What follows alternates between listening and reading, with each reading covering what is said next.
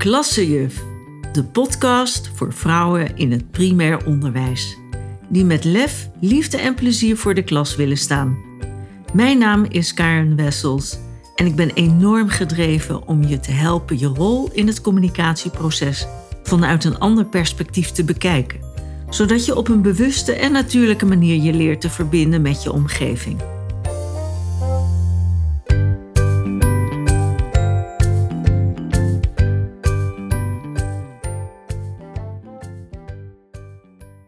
Vandaag vertel ik je weer een kort verhaal om je te inspireren en je te ondersteunen in je dagelijkse praktijk als vrouw in het onderwijs. Of je nu leidinggevende bent, intern begeleider of gewoon tussen aanhalingstekens juf. Laatst had ik een interessant gesprek met een schooldirecteur die sinds een jaar leiding geeft aan een team waar ze heel trots op is. Ze vertelde dat ze aan de vooravond staan van een lang gekoesterde droom, namelijk het werken met onderwijspleinen. Hiervoor hadden een aantal van haar teamleden zich jarenlang hard gemaakt. Een nieuwe start in een nieuwe school en dan ook nog eens op een nieuwe locatie. Hoe mooi wil je het hebben? Alleen, vertelde ze, is hier wel veel water voor door de zee gegaan, voordat het zover was. Teamleden die alles in het werk hebben gezet om deze droom te realiseren, hebben daar zich heel hard voor moeten maken. Sommigen zijn overeind gebleven en een aantal zijn weggegaan omdat ze het niet meer zagen zitten. En waarom zul je je afvragen? Nou, er zit altijd een keerzijde aan zo'n mooi verhaal. Uh, er bleek weinig tot geen medewerking van het schoolbestuur te zijn. Waardoor het voor veel teamleden voelde als trekken aan een dood paard. Nou ja, dat frustreert en dat maakt moe of zelfs ziek. Wat ook bleek te zijn. En daardoor zijn er een aantal mensen uitgevallen. Dit is waar de directeur voor kwam te staan toen ze uh, begon. Maar ze is de uitdaging aangegaan om deze droom te realiseren met, uh, met de overgebleven teamleden. En dat is gelukt. Maar niet zonder de nodige hindernissen. Haar team was inmiddels bijna gehalveerd. En uh, degenen die waren overgebleven, waren natuurlijk allemaal zeer gemotiveerd om met haar de schouders eronder te blijven zetten. De nieuwkomers in het team hadden deze voorgeschiedenis niet meegemaakt. En dat zorgde voor een hele andere sfeer in het team.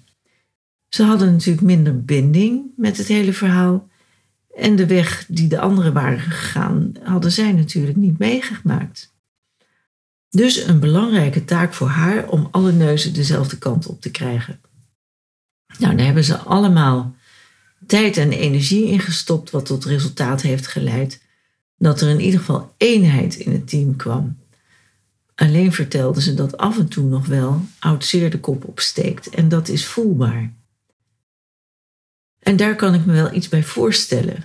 Je hebt keihard geknokt om dit voor elkaar te krijgen en de nieuwkomers krijgen het op een presenteerblaadje, zeg maar. Nou ja, dat schuurt natuurlijk.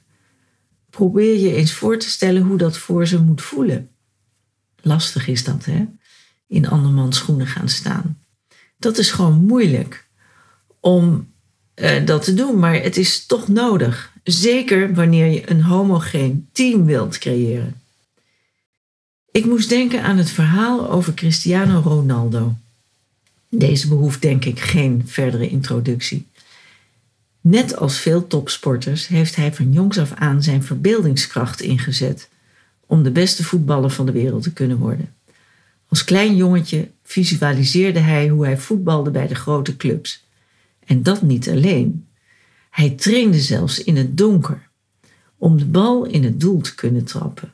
Op gevoel. Wat hem ook lukte trouwens. Net als de beste voetballer van de wereld worden. Ja, zo krachtig is verbeeldingskracht.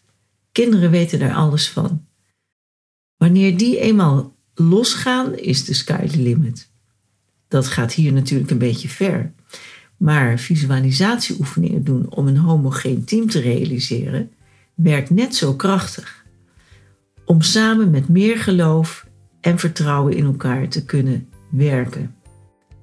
Je stimuleert niet alleen je eigen verbeeldingskracht, maar ook meer betrokkenheid bij elkaar. En dat is nu net wat nodig is om je doelen te realiseren. En daarmee is de cirkel rond.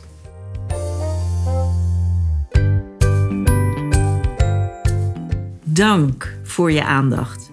Wil je geen aflevering meer missen? Abonneer je dan op de podcast in je favoriete podcast-app. Meer weten? Kijk dan tussen de show notes van deze aflevering. Graag tot de volgende keer.